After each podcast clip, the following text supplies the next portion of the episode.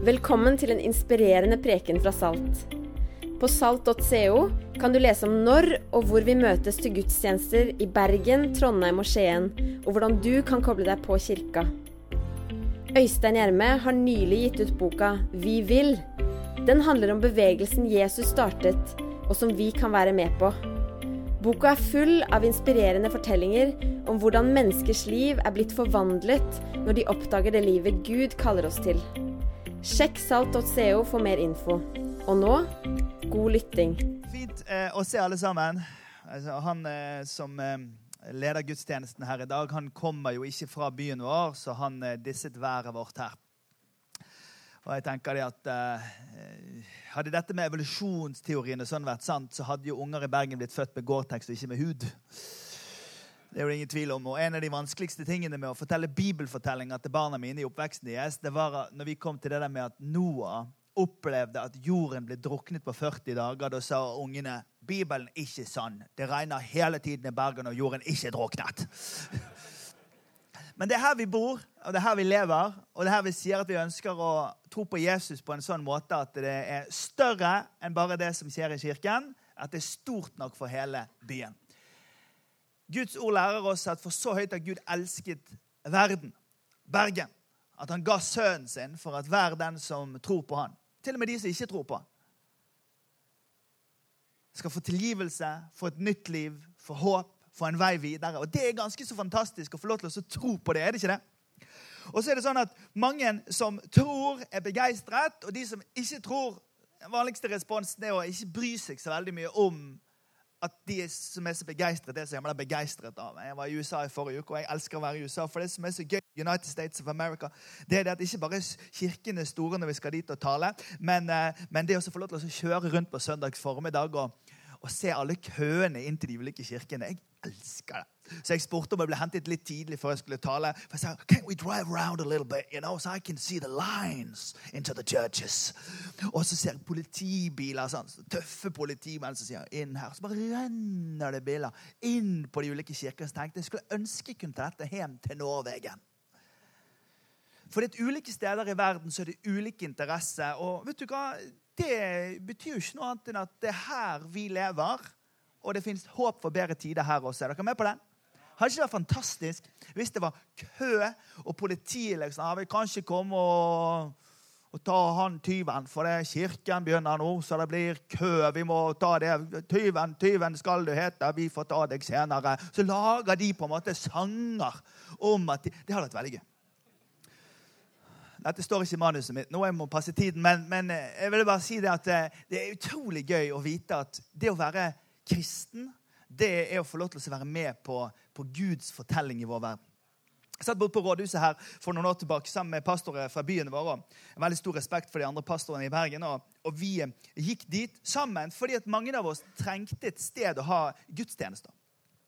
Så vi kom dit høyt opp, fikk kaffe av kommunen der og satt der. Og, og så Eh, pratet vi, og byrådslederen på det tidspunktet, Lisbeth Iversen, eh, kjenner hun, døpt ungene hennes og hadde et forhold til hun da, men da var det sånn offisielt ærende der. Sant? Vi var mange pastorer, vi trengte bygg. Og så spør Lisbeth oss dette spørsmålet. Hvis dere trenger bare et bygg å ha møter i, så er det vanskelig å si at jeg kan hjelpe dere. Men hvis dere har visjoner for byen, så er det noe annet. Vi pastorene, vi satt der. Drakk kaffe. Og så tenkte vi Det var jammen et godt spørsmål som vi må tenke litt på. Har vi visjoner for mer enn bare det vi gjør inne i kirken? Eller er det sånn at vi tenker at det vi holder på med i kirken, og med alle de tusenvis av menneskene som er en del av den kristne kirken, at det livet vi lever i hverdagene våre, alt det som vi gjør i velforeningene og i sameiene og i idrettslagene, og alt det store som skjer der ute, at det også skal få en smak av at Guds menighet er reell i vår tid og i vår by. Fullførte denne boken Vi vil om frivillighet i menigheten. og Romjulen i fjor var litt spesiell, for da jobbet jeg med det kapitlet i den boken som handler om det norske organisasjonssamfunnet. og Da satt jeg jo da eh, med bøkene og dro over jeg og leste på ting. og, intervjuet en mann. Ringte til en mann som er spesialist på organisasjoner. Så sa jeg, fortell litt, hva, hva er ditt grep om dette med organisasjonen i Norge? Så sa han, nå skal, skal du høre sånn. Før i tiden så var det sånn at organisasjoner i Norge var i stor grad orientert om noen andre enn seg sjøl. F.eks. De norske kvinners sanitetsforening. Det var slik at I Norske kvinners sanitetsforening så var det en bestemor som brant for å hjelpe folk med sånne helsespørsmål. så Derfor så organiserte de seg for å hjelpe noen andre. Så tok de med døtrene sine, og så tok de igjen med seg døtrene sine. Og så smittet de generasjoner at vi er til fordi det er noen andre som trenger hjelpen vår. Men det som har skjedd i Norge, sånn, det er det at nå for tiden så har vi organisasjoner som i stor grad er blitt, blitt opptatt av å kjempe for sine egne medlemmers rettigheter. Og på den måten så har Norge endret seg litt. Det har endret seg fra å være et sted hvor det er de andre som er grunnen for at vi samles, til å være nå i en tid hvor det er vi som er grunnen for at vi samles. Når Jesus kalte de første disiplene sine, så drev de og fisket. De fisket sånn fisk som de fisket ned i det vannet der de fisket. og Den kan ikke jeg navnet på, så det står heller ikke i notatene mine, så jeg må bare si fisk. Men de har masse nett i hendene sine, og så sier Jesus til dem, 'Slipp de der nettene deres, så bli heller med meg, og så skal jeg gjøre dere til sånne som fisker mennesker.' Jeg vil Du skal smake på den lille invitasjonen der. Han sa, 'Kom og bli, meg, og bli, bli med meg og bli en gjeng som er opptatt av noen andre.' Kan du si mm. Og her ligger det noe som er viktig for meg å få gjennom for oss før vi flytter inn i et gedigent tempel borte på Damasplass. Fordi at Problemet vårt det er at hvis vi tror at det å få lov til å få en gigasvær bygning å møtes i, betyr at da kan vi gå og gjemme oss, så bommer vi på det Jesus har satt oss til i vår verden, hvilket er å gi hans godhet til hele byen. Men jeg opplever at ikke bare i denne kirken, men mange steder i landet vårt, så er det mange som sliter med nettopp dette. Det var en ung mann som het Dietrich Bonhoeffer. Han var bare 22 år gammel. Han holdt et foredrag på, et, på, et, på, et, på en kirkelig konferanse i Barcelona når han var ganske ung. Han døde noen år senere i, i eh, som et resultat av at han var motstandsmann mot eh, Nazi-Tyskland. Bare noen timer før de allierte satte han fri. Dietrich Bonhoeffer er en gigant av en teolog og en tenker og en forfatter og en skribent. Og han sa noe veldig bestemmende i det foredraget som jeg har båret med meg i alle år. Ja, vi bygger Gud et tempel, men vi bor i våre egne hus. Vi har gjort religion og livssyn om til et søndagsrom som vi med glede besøker noen timer, for så å gå tilbake igjen til vårt vanlige liv. I den frakoblingen så mister vi noe veldig viktig nå. Vi mister det store og viktige budskapet om at det at Gud har et folk i verden, det betyr at han har en plan med det folket. Han har en plan med våre liv. og Bibelens metaforer er så mange. Han snakker om at vi er lys og salt. Han snakker om at vi er som en by som ligger på et fjell. Han sier at vi er som, som en god kraft i verden. Ambassadører, utsendinger som pøs på med identitet. Og Det er det jeg har lyst til å vekke oss til i løpet av de neste minuttene. Jeg har lyst til å få opp den forståelsen i dag og i de ukene som kommer, at det vi holder på med, folkens, må være stort nok for hele byen. Jeg har ikke bare snakket med folk her i Bergen denne høsten. Jeg holdt på egentlig hver eneste helg denne høsten. Jeg har tre fortellinger jeg har lyst til å fortelle til deg fra denne høsten. Det ene var mitt møte med en mann som jobber på et sånt kontor. og Der er ikke det så mange kontorpulter, men han kom til meg og sa jeg merker at jeg blir så stille om troen min på jobben.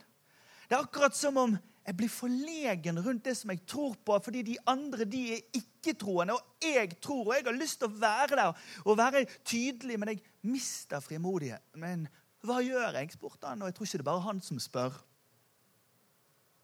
Eller hun læreren som opplevde at det var en liten gruppe med litt sånne heltente Jesus-unger som hadde lyst til å ha andakt i, i, i fritimen. Og, men læreren ville ikke stille opp for dem i forhold til rektoren og inspektøren, fordi at rektoren og inspektøren ønsket ikke det på skolen. Egentlig så er det sånn at det skal de ha lov til, men den læreren følte at det blir for stor risiko for meg å involvere meg i akkurat det. Eller som Karl Johan Kjøde, som leder laget i Norge.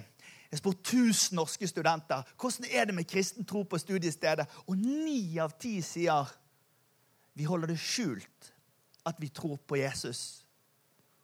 Og så sier overskriften i Vårt Land den sier vi oppdager den svært dramatiske situasjonen av at Ola og Kari nå skammer seg over evangeliet. Det som jeg har lyst til å snakke om med meg og deg, det er det at uh, I love my church. Hashtag I love my church. Jeg syns det er så digg å være med dere, og jeg synes det er så fint å være i Salt. og jeg, uh, Ungene mine har vært i kirken hver dag siden de ble født. Faktisk var det noen naboer som syntes vi var kjempedrøye når, når, eh, når ungene faktisk ble født på en fredag, og vi var i kirken på en søndag. Og jeg innrømmer at det var litt drøyt. Den, men, men, jeg ville ikke at han skulle glipp av én søndag. ikke sant? Og resultatet er ikke så fantastisk, så jeg skulle kanskje ha bare dratt på enda mer. Men poenget er at vi, vi, jeg, I love my church. Men det er akkurat i denne spenningen av at vi går og gjemmer oss er det det som er løsningen, eller er det det at vi bare kaster oss inn og deltar? Er det det som er løsningen? Og det er til deg jeg har lyst til å si noe i dag. Går det fint? Og nå vet jeg at dere som er her på siste gudstjeneste i dag eh, Mange her eh, tror ikke så mye. Mange her eh, har ikke gjerne gått på i kirken så veldig mye. Og når vi leser bibelord og refererer til steder i Bibelen, så kan det være ukjent for mange. Så jeg har lyst til å gi deg en kjapp innføring nå. For det blir litt sånn under litt litt innhold nå i løpet av det neste minutt. Går det bra? Jeg kommer ikke til å være så veldig morsom. Jeg har ingen vitser på lager. Jeg har ingen sånne gøyale ting. Men det som har skjedd i løpet av de foregående gudstjenestene her i dag, det er at jeg har merket at det har vært en sånn Å, det skal jeg tenke på. Og det er det jeg vil at skal skje i løpet av de neste minuttene. ok? Fordi det er sånn at Bibelboken vår den er nedskrevet over en lang tidsperiode med et enhetlig budskap. Og det som er fantastisk med Bibelen, det er det at den er Guds ord. Og Den ligger der på nattbordet hjemme hos deg, eller i bokhyllen, og så ligger den her i hånden min nå. Og Bibelen er Guds levende ord. Og det ordet som står i Bibelen, det kommer til liv når vi leser det. Og noen ganger så er det som om ord er profetiske. Og profetisk betyr altså tale fra Gud til oss. Og noe av det som da ligger i bibelboken som, som bare stille tekst, når vi tar det ut, så kan det til tider så treffer det en situasjon som gjør at vi kjenner oss igjen. Og så er det akkurat som om når vi leser den, så er det ikke bare vi som leser den, men den leser oss. Og ikke bare leser han oss, men han leser den kulturen som vi er en del av. Følger dere meg nå? Så nå blir dere med meg tilbake inn til en mann som heter Jeremia. Jeremia er det som heter profet. Han skulle tale fra Gud. Året er 597 før Kristus. Han har vært med på at det israelske folket, jødene, har blitt tatt vekk fra det landet de bor i, og blitt bortført til, Babel, til en by som heter Babylon. til det som er i dagens Irak-område. Og der er de flyktninger. Se for deg en teltleir. Unger som er ute og spiller eh, fotball. Eh, en far som sitter foran eh, eh, teltduken og drikker kaffe, og en annen som spiller gitar. Er du med? Camping. Eller teltleir. Er du med? Få noen bilder i hodet ditt nå. ok? Der er de. Og det er en sykt kjip situasjon. Fordi at eh, vinbuskene som de gikk liksom og klippet på og laget sånn vin av, de er ikke der. Sauene som de gikk og gjetet bort i skråning, de er ikke der. Den bekken som de gikk over for å hente vann Nei, eh, altså, den er ikke der. Alt det som var deres kjente miljø, det var de borte fra. Så det er en lidelse for folk. Og folk har masse spørsmål. Det er sånne spørsmål som Hva skjer nå? Hvem skal veilede oss nå? Hvor skal vi gå hen? Hva skal vi tro på? Hvem skal vi Og Jeremia opplever at han får en oppgave fra Gud til å være en som skal tale sannhet fra Gud. Så var det en kjempeutfordring for han. Det var at midt i folkets fortvilelse så oppsto det mange andre stemmer som mente at de snakket på vegne av Gud. Så Jeremias bok hvis du gidder å lese det når du kommer, jeg oppfordrer deg til å gjøre det, det er på en måte en spenning mellom sanne profeter, altså Jeremia, og en falsk profet. Spesielt en som heter Hananya, som vi kan komme tilbake inn til. Men i kapittel 23, vers 21, så, så er det som om Gud sier, 'Jeg har ikke sendt profetene, men de løper.' 'Jeg har ikke talt til dem, men de profeterer.' Og vi bor jo her i Norge, ikke sant? Og i et gudløst land på mange måter. Og når jeg skal beskrive Norge for folk som ikke tror så mye, eller folk i utlandet, så sier jeg Norge er på mange måter en sånn etterkristen tid. Så det er ikke akkurat Gud vi hører på. Men det er utrolig mange som profeterer. Politikerne forteller oss hvor nasjonen vår er på vei. Ideologene forteller oss hvor menneskeheten er på vei. Finansfolkene forteller oss hvor renten er på vei. Teknologibedriftene forteller oss hvordan det er å være menneske om noen år. Og selv i gudløse land så sitter vi der med sånne store spørsmål som hvor er det egentlig vi skal gå henne? Hvor er retningen henne? Hva er det gode liv? Hva er meningen med livet? Hva er det som er rett? Hva er det som er galt? Jeremia hadde fått en melding fra Gud. Og den meldingen han hadde fått fra Gud, det var denne. Jeremia kapittel 6, vers 16. Still dere på veiene og se. Spør etter de gamle stiene, etter veien til det gode. Gå på den, så skal dere finne hvile for deres liv. Men hør responsen, dere. Men de svarte, vi vil ikke gå der. Vi er mange i denne kirken. Og heldige er vi som er mange. Heldige de ungene som får gå på søndagsskolen her og treffe andre som opplever at de tror det samme. Men det er sånn i landet vårt, hvor vi er et velferdssamfunn og med høy utdannelse og i en sekulær ideologi, så er det sånn at det er veldig mange som opplever at det vi forkynner i den kristne kirken, er noe vi rister på hodet av og sier at ja, men vi vil ikke gå der. Og Derfor så trenger vi å tenke igjennom hva vil det si å være en kristen kirke i et land som ikke vil høre? Fordi at Gud han skriver fortsatt sin historie i vår verden, også over livene til de som har døve ører. Kan jeg høre et lite amen? Men det å forstå at det å være kristen, det er å ha et trofast nærvær på en plass fordi at man forstår at Gud er herre over historien. Nå må vi bort igjen til eh, Jeremia her. For det som skjer i kapittel 28, det er at profeten Hananya sier Ikke vær redd. Om et par år så skal vi reise hjem igjen til landet vårt, i, eh, til byen vår, Jerusalem. Så ikke tenk på det som han Jeremia kommer til å si. Slå dere ned med teltleiren nede med vannet der. Eh, sett opp teltene deres, tenn bål om kvelden, spill litt fotball på dagen og kos dere med dere sjøl. Trekk dere inn. Fordi at eh, om en stund så skal vi få lov til å reise videre. Men så sier Jeremia dette, og dette er min hovedtekst for i dag. Hvor jeg skal hente ut mine hovedpoeng i løpet av noen få minutter. For der står det Så sier Herren over herskarene, Israels Gud, til alle som jeg har ført i eksil, fra Jerusalem til Babel. Hør hva han sier at de skal gjøre. Han sier, bygg dere hus og bo i dem. Plant dere hager og spis frukten. Ta dere koner og få sønner og døtre. Ta koner til sønnene og gift bort døtrene deres, så de kan få sønner og døtre. Dere skal bli flere og ikke færre. Dere skal fremme fred for den byen som jeg har ført dere til i eksil, og be til Herren for den. For når den har fred, så skal dere ha fred. Han sier, hør, han sier til dem nå er vi inne i en liten periode. Dette er da, ikke sant? Dette er ikke Bergen i dag. Vi bruker det bare for å prøve å forstå historielinjen her.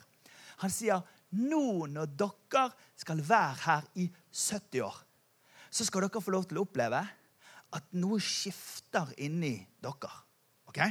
Og Det som skal skifte inni dere, det kommer til å lede dere tilbake inn på den kursen som Gud ønsker at dere skal være på. Og så viser han tre måter hvor man kan få innflytelse i en by. Og Jeg vil løfte de opp for deg i løpet av de neste minuttene for at du skal se at der du er i ditt liv, så kan du være med og få innflytelse. Hvis du tar notater, så skriver du ned dette. Punkt nummer én. Du kan få innflytelse ved at du finner identiteten din som en del av Guds folk. Det å forstå seg sjøl som en del av Guds folk i verden, er punkt nummer én vi skal snakke om. Det andre er at vi kan få innflytelse i en hel by gjennom å involvere oss i byens liv. For det tredje, vi kan få innflytelse ved å få innsikt i Guds fremtidsplaner.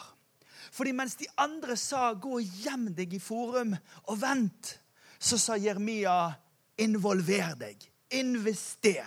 Vær en sånn som er på jakt etter å få innsikt, for de tingene kommer til å gi deg en innflytelse i hele byen. Kan jeg høre et lite amen?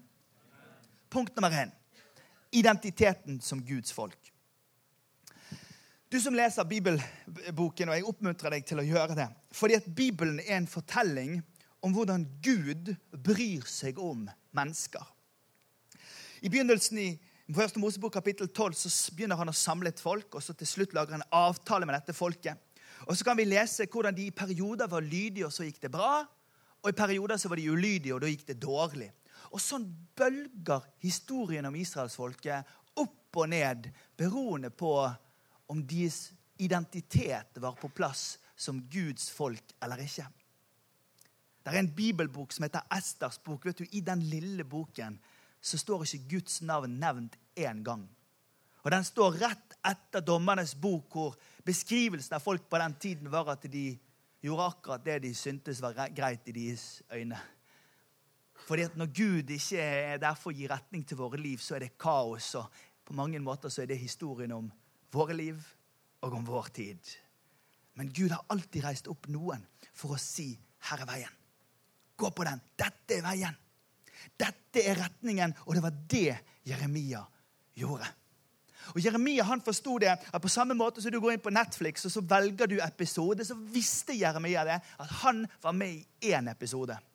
Og Den ene episoden han var med i, det var at mens vi er i Babylon, så må vi bare passe på at vi involverer oss nok i Babylon, men passer på at Babylon ikke flytter inn i oss.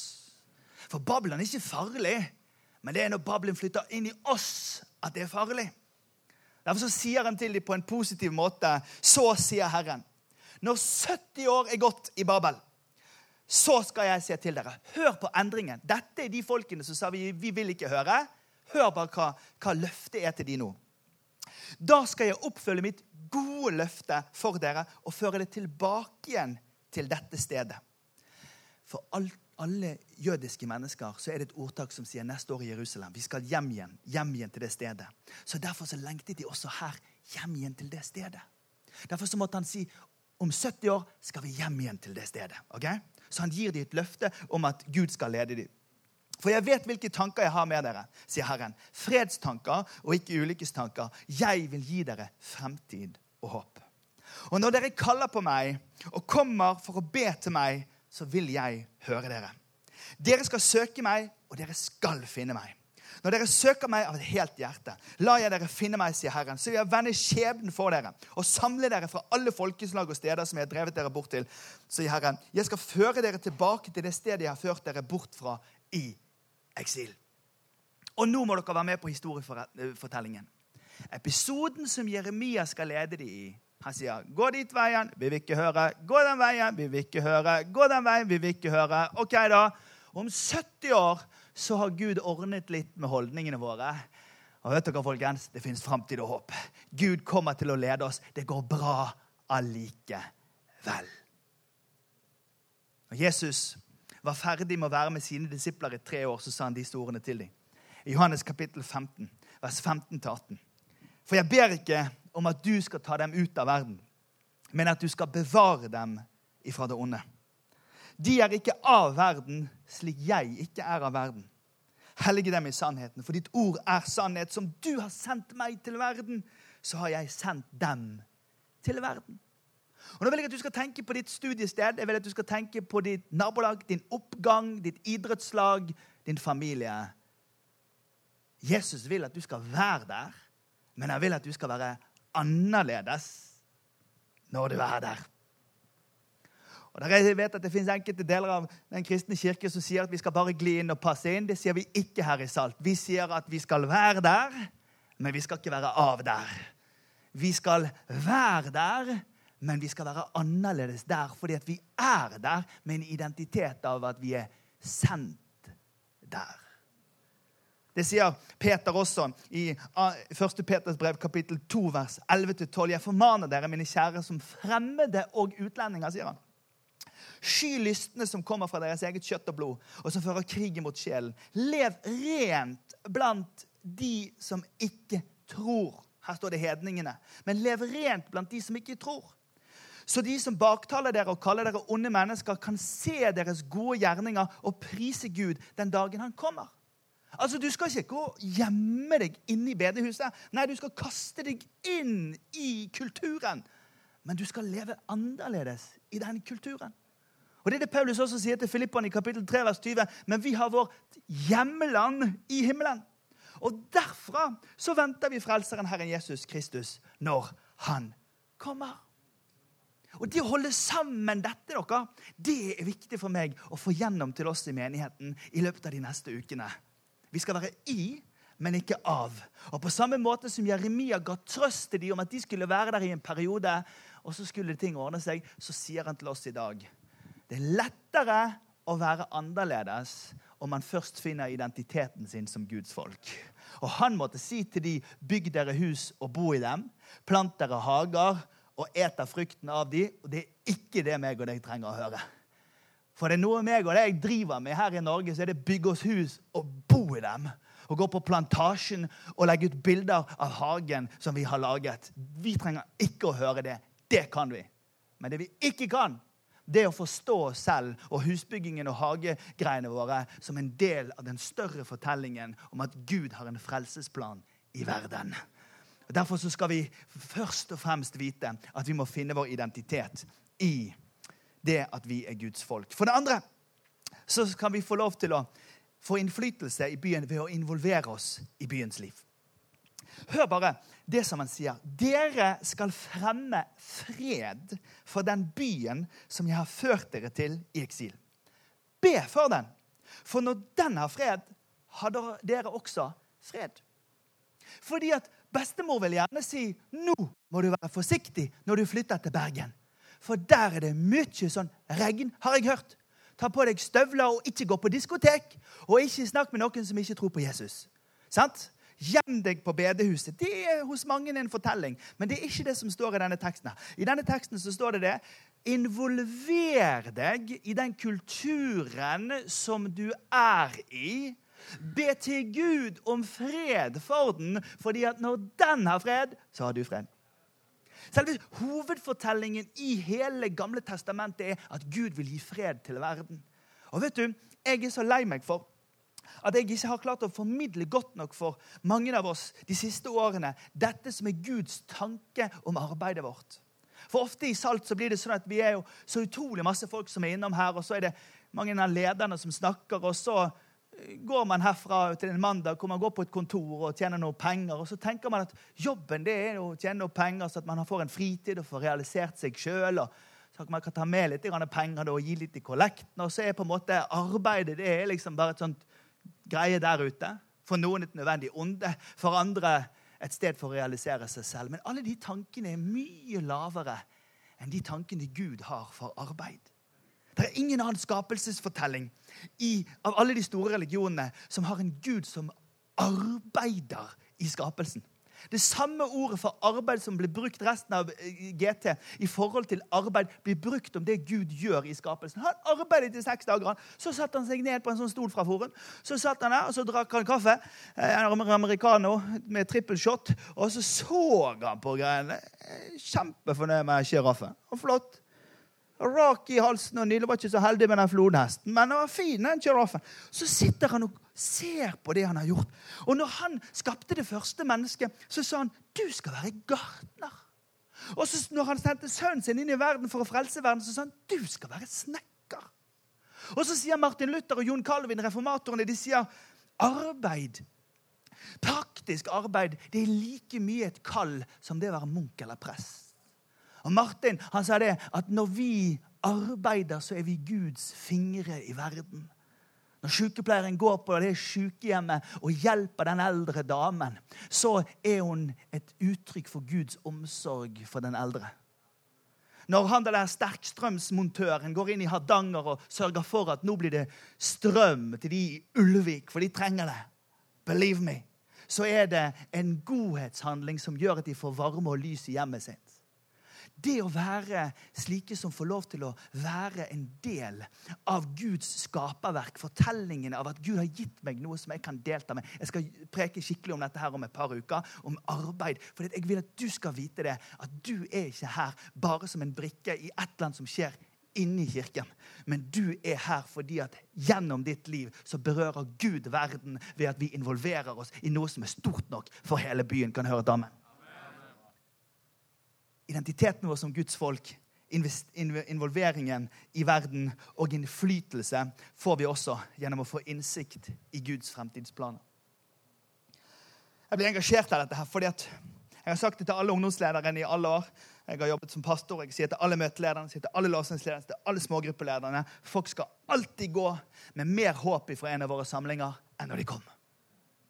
Men Jeremia han var født i en liten landsby nord for Jerusalem, som er et annet dott. Kom fra en presteslekt og kunne vise linjen helt tilbake igjen til Moses og Aron. Men søsknene likte ikke det han gjorde, foreldrene likte ikke det han gjorde, prestene likte ikke det han gjorde, og kongene likte ikke det han gjorde. Og Jeremia følte jeg er så annerledes. Men Jeremia han var ærlig. Og når han ikke forsto Gud, så kranglet han litt med Gud. Og så forsto han at folk syntes det var av og til vanskelig å ta imot det som han sa, men, men han sto for det han opplevde at Gud hadde gitt han å si. For det andre så var han modig ifølge sin overbevisning. Når andre folk snakket mot han og glattet over, så sto han allikevel rak. For det tredje, han var lidenskapelig i sin motstand imot sosial urettferdighet, imot falske profetier og imot, eh, og imot avgudsdyrkelse. Og Jeremia, selv om han kalles en domsprofet, og det høres jo voldsomt ut å si på Riks scene en søndagskveld i 2018, så hadde han samtidig en utpreget medfølelse og kjærlighet overfor de menneskene som han snakket til.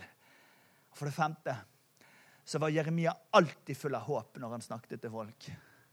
Og En dag så ringte han hjem. Nå overdriver jeg, for de hadde ikke telefon på den tiden, men han sendte i hvert fall en melding eh, eh, hjem og så sa han jeg vil gjerne kjøpe litt land jeg, sa. i den landsbyen jeg vokste opp i. Altså, De er i eksil i Babel. Men han ringer hjem, sender melding hjem, og så kjøper han skjøte på et stykke land. Og Så holder han det opp og så beviser han for folkens dere, dette greiene som vi holder på med, det kommer til å gå bra til slutt. Guds fortelling er fortellingen over våre små liv. Og han har kontroll på historien.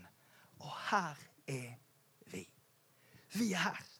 Og det er ingen som må tro at jeg sier at det er 70 år til det blir noen resultater. etter vi har kjøpt Det der forum. Det er selvfølgelig ikke det jeg sier. Men jeg bruker Jeremia-fortellingen for å si at i visse perioder i historien så er man nødt til å høre de gamle fortellingene. Se at Guds ånd blåser på dem, og så løftes de opp, og så gir de mening til oss. Og meningen som de gir oss til oss i kveld, er dette. Det er lettere å være en kristen hvis du først har ordnet med identiteten din. Jeg er en fremmed her, men jeg er en del av Guds folk her. Det er lettere å være en kristen her i et sekulært Norge hvis man skjønner at vi skal ikke gjemme oss vekk fra Bergen, men vi skal inn i Bergen. Og arbeidet og hverdagen vår er det stedet hvor kontaktpunktet oppstår, hvor evangeliet om Jesus kan berøre en hel by. Og det siste vi lærer, det er det at dette går bra til slutt. Det at den som stoler på Gud og har satt sitt håp til han, skal få lov til å oppleve at det går bra til slutt. Fordi at det fins alltid et håp. Fordi at vår Herre Jesus Kristus han kom som snekker, ble hengt på et kors, lå i graven i tre dager og sto opp igjen for å gi liv til alle dem som vil tro på ham. Vi har et fantastisk evangelium for hele byen, ikke for folket som gjemmer seg bort. Skal vi reise oss opp, og så ber vi?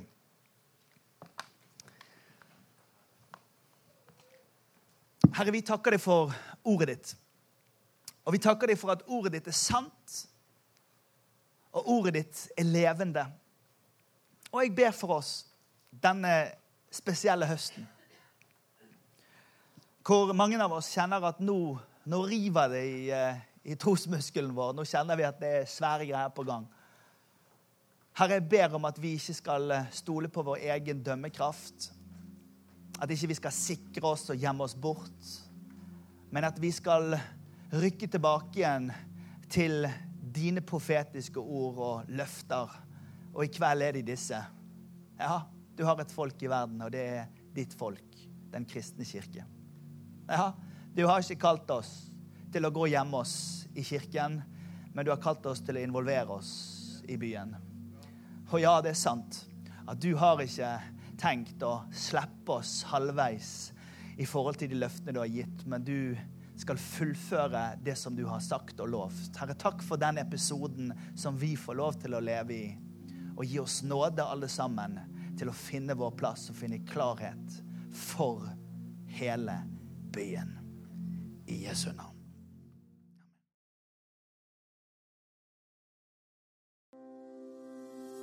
Takk for at du lytter til Salts podkast. Vi vil utfordre deg til å la prekenen du nettopp hørte, bli en del av deg, og la Jesus forme deg slik bare han kan gjøre. Du er så velkommen til å delta i arbeidet vi gjør. På salt.co kan du bli en fast giver og investere i å nå flere mennesker med budskapet om Jesus.